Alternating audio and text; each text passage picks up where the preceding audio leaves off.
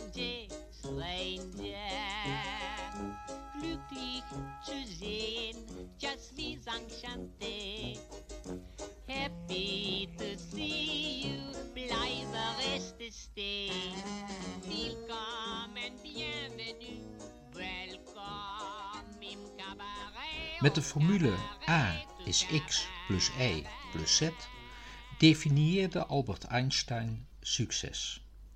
A staat hierbij voor succes, X voor werk, Y voor spel en Z voor actief luisteren naar wat anderen zeggen, ofwel je mond houden.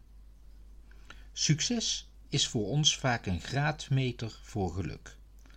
Als we succes hebben, kan het haast niet anders dan dat we gelukkig zijn. En succes moet beloond worden. Dat spreekt voor zich.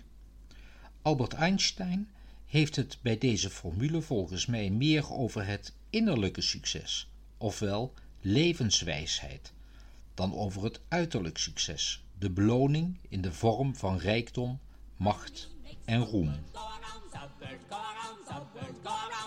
Money makes the world go around, it makes the world go round. A mark, a yen, a buck, or a pound, a mark, a yen, a buck, or a pound is all that makes the world go round. That clinking, clanking sound that makes the world go round.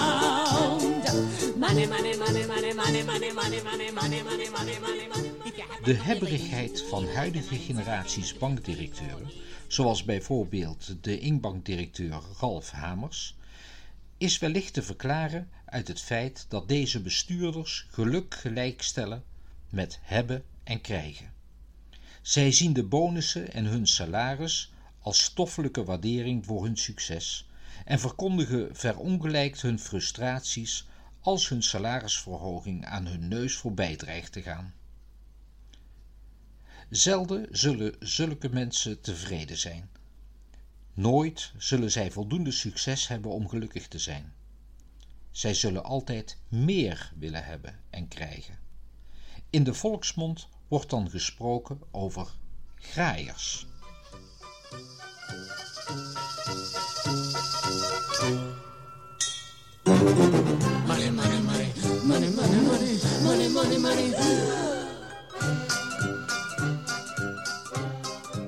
Ik weet me te herinneren dat ik een poos geleden in een gezelschap verkeerde waar iemand vol trots melding maakte van de aankoop van een dure auto.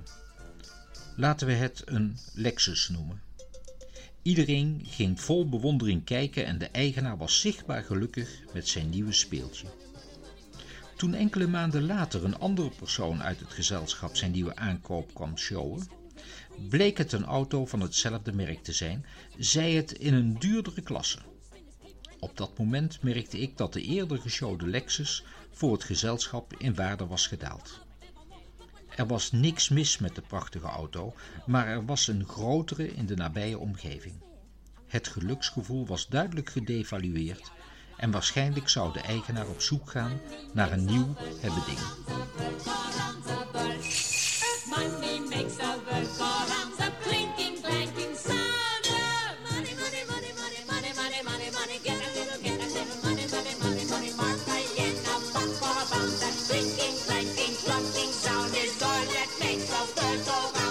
Makes the world.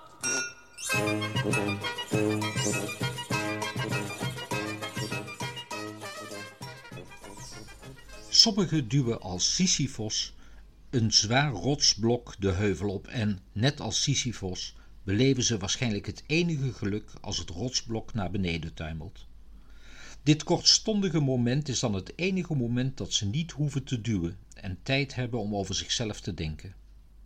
Het najagen van doelen als hebben en krijgen is als het najagen van de regenboog. Alles wat we zien als we daar aankomen is een grijze mist. Het lijkt mij beter om onze successen niet af te meten aan wat we hebben of krijgen, maar aan de obstakels die we hebben overwonnen. Het besef dat geluk in principe niets kost, maar een bijproduct van vele andere activiteiten is, helpt mij hierbij. Er is veel onderzoek gedaan naar het geluksgevoel. Zo zijn er statistieken voorhanden waarin te vinden is dat mensen die getrouwd zijn en over een optimistische kijk op mens en wereld beschikken, een positief zelfbeeld hebben en het gelukkig zijn. Maar statistiek en causaliteit is een heikel onderwerp. Je kunt je namelijk afvragen wat de correlatie is tussen bijvoorbeeld geluk en huwelijk. Is de conclusie juist dat huwelijk gelukkig maakt? Of wijzen de statistieken uit dat gelukkige mensen nu eenmaal meer trouwen? Dit geldt natuurlijk voor alle op statistisch onderzoek gebaseerde conclusies. We zullen de uitkomsten kritisch moeten blijven interpreteren. Leo Tolstoy schijnt gezegd te hebben dat geluk niet afhankelijk is van dingen buiten ons, maar van de manier waarop we die zien. Hoe wij tegen oorzaken van onze successen en mislukkingen in het leven aankijken. Dat maakt een groot verschil. Ik las ergens een oude Chinese wijsheid waarin drie voorwaarden voor geluk werden aangegeven: iemand om van te houden, werk om te doen en iets om op te hopen. Een leuk trio dat ik in zijn bondigheid wel een rake typering vind. Bij liefde ligt het geheim van geluk onder andere besloten in het vermogen te genieten van de vreugde van anderen. Het verlangen om anderen goed te doen. Maxime Gorky schreef dat als werken aangenaam is, het leven ook vreugdevol is. Als werken een plicht is, is het leven volgens hem slavernij. Hoop is een vitaal element in het menselijk bestaan. De manier waarop wij hoop koesteren is een belangrijk onderdeel van ons innerlijke toneel.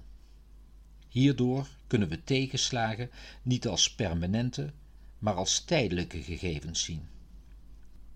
Søren Kierkegaard schreef: De tragedie van het leven is dat je het pas begrijpt als je achterom blikt, maar je moet leven terwijl je vooruit kijkt.